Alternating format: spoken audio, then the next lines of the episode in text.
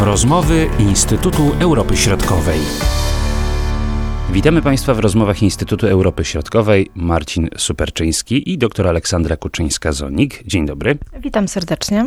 Tym razem rozmawiamy o zbliżających się wyborach prezydenckich, y, które odbędą się 31 maja na Łotwie. Jak obecnie wygląda sytuacja polityczna właśnie w tym kraju i ten wyścig o prezydenturę? Warto przypomnieć, jak wygląda w ogóle y, system wyborczy, y, jak wybierany jest prezydent na Łotwie. Prezydent pochodzi z wyborów pośrednich, to znaczy, że wybierany jest nie przez ogół obywateli, ale przez partie polityczne znajdujące się w Sejmie.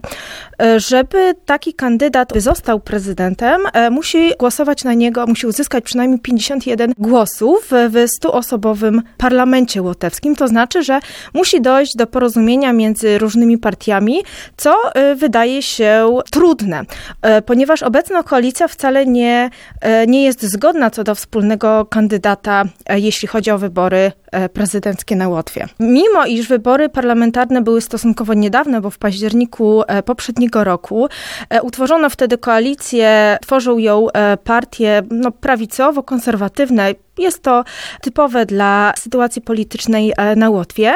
Niemniej jednak dwie z mm, tych partii koalicyjnych wystawiły jednego kandydata. Jest nim Edgar Rynkiewicz, który jest ministrem spraw zagranicznych. E, natomiast trzecia partia, Zjednoczona Lista, wystawiła odrębnego kandydata, e, Uldisa Pilensa, co oznacza właśnie, że e, jednak będzie trudno tym dwóm kandydatom uzyskać większość, ponieważ będą musieli oni zabiegać o głosy opozycji. Trzecią kandydatką na prezydenta jest Elina Punto, która reprezentuje partie progresywnych. Ta partia nie znajduje się e, w koalicji, e, jest to partia opozycyjna w parlamencie. Na dzisiaj, jakbyśmy mieli tutaj zważyć, kto ma większe szanse, to na kogo wskazałabyś właśnie w tym rozdaniu? E, tak jak powiedziałam, jest mało prawdopodobne, żeby prezydent został wybrany w pierwszej turze, ponieważ mm, wymaga to naprawdę złożonych dyskusji między partiami politycznymi, e, różnych uzgodnień, które już w tym momencie mają miejsce.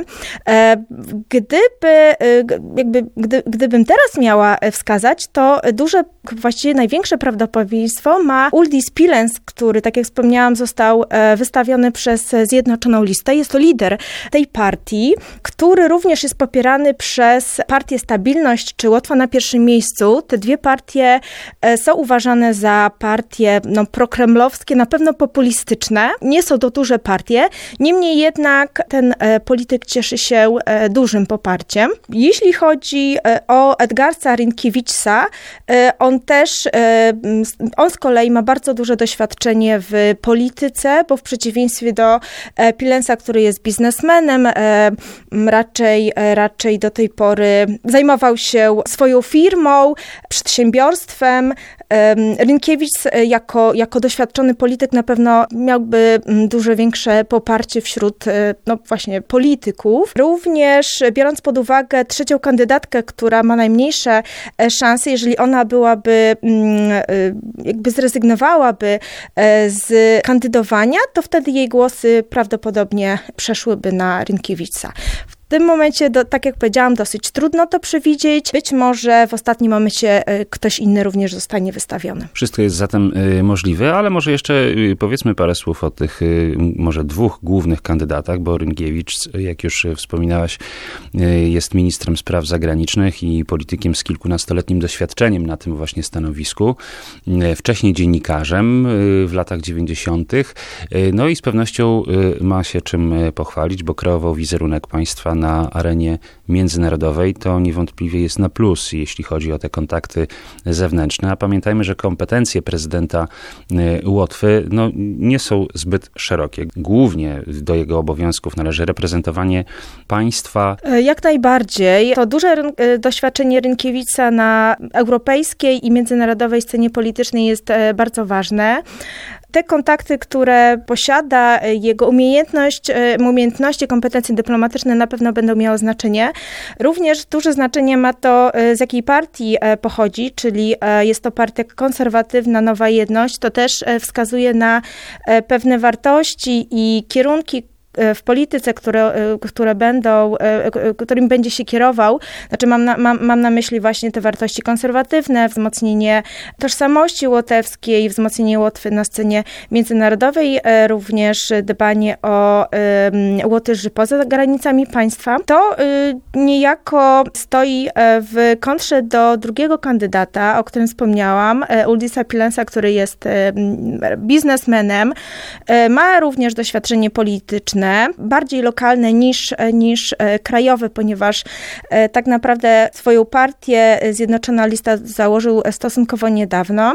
Natomiast to, co odróżnia go od, od Rynkiewicza jest to, iż stawia bardziej na gospodarkę, na rozwój państw, na rozwój regionalny, rozwój właśnie gospodarczy i fakt, iż popierany jest przez, tak jak wspomniałam, te populistyczne partie, również e, może wpływać na, na kierunki czy jego stanowisko wobec e, istotnych kwestii na Łotwie. Jakie ogólnie panują nastroje polityczne na Łotwie? E, niedawno byłaś w tym państwie i tak z bliska mogłaś się przyglądać, jak ta właśnie sytuacja wygląda. Sytuacja nie jest stabilna pod względem politycznym, natomiast to znowu nie jest, nie jest coś nietypowego dla Łotwy. Tam partie polityczne, koalicje się rozpadają, partie polityczne są tworzone. Natomiast co ciekawe, dotychczasowy prezydent e, Egil Slewic, który początkowo również e, chciał kandydować, został nominowany, natomiast zrezygnował z tego, e, z kandydowania o reelekcję właśnie ze względu na brak poparcia, brak, brak większości w, w parlamencie. To też jest znowu interesujące dla Łotwy, że tak naprawdę od lat 90. tylko jeden prezydent był powtórnie wybrany na prezydenta. Pozostali pełnili tą funkcję tylko jedną kadencję. Egils e, Lewic również e, jakby zajmując, rozpoczynając e, prezydenturę, stawiał na wartości łotewskie, na język, kulturę, na tożsamość i praworządność.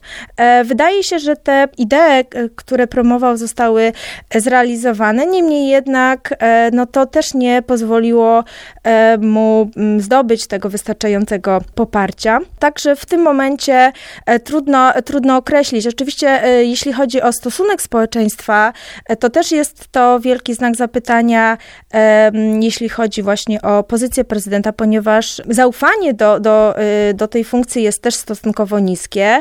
Biorąc pod uwagę tą sytuację od lat 90., jest jedną z naj...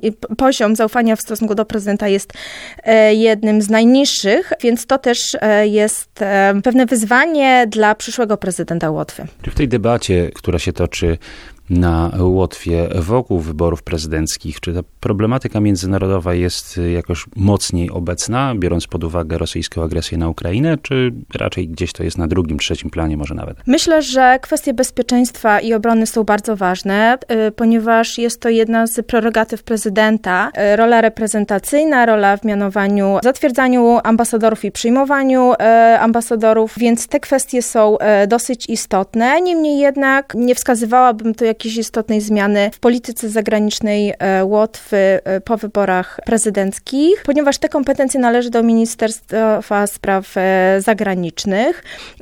Niemniej jednak bezpieczeństwo jest bardzo, bardzo ważne w tym momencie i jak najbardziej wojna rosyjsko-ukraińska wpłynęła na, na tą świadomość i, i konieczność wzmacniania bezpieczeństwa równo w wymiarze mm, zagranicznym, czy, czy takim zewnętrznym, jak i wewnętrznym. Bardzo dziękuję za tę rozmowę. Do usłyszenia i do zobaczenia. Dziękuję. Były to rozmowy Instytutu Europy Środkowej.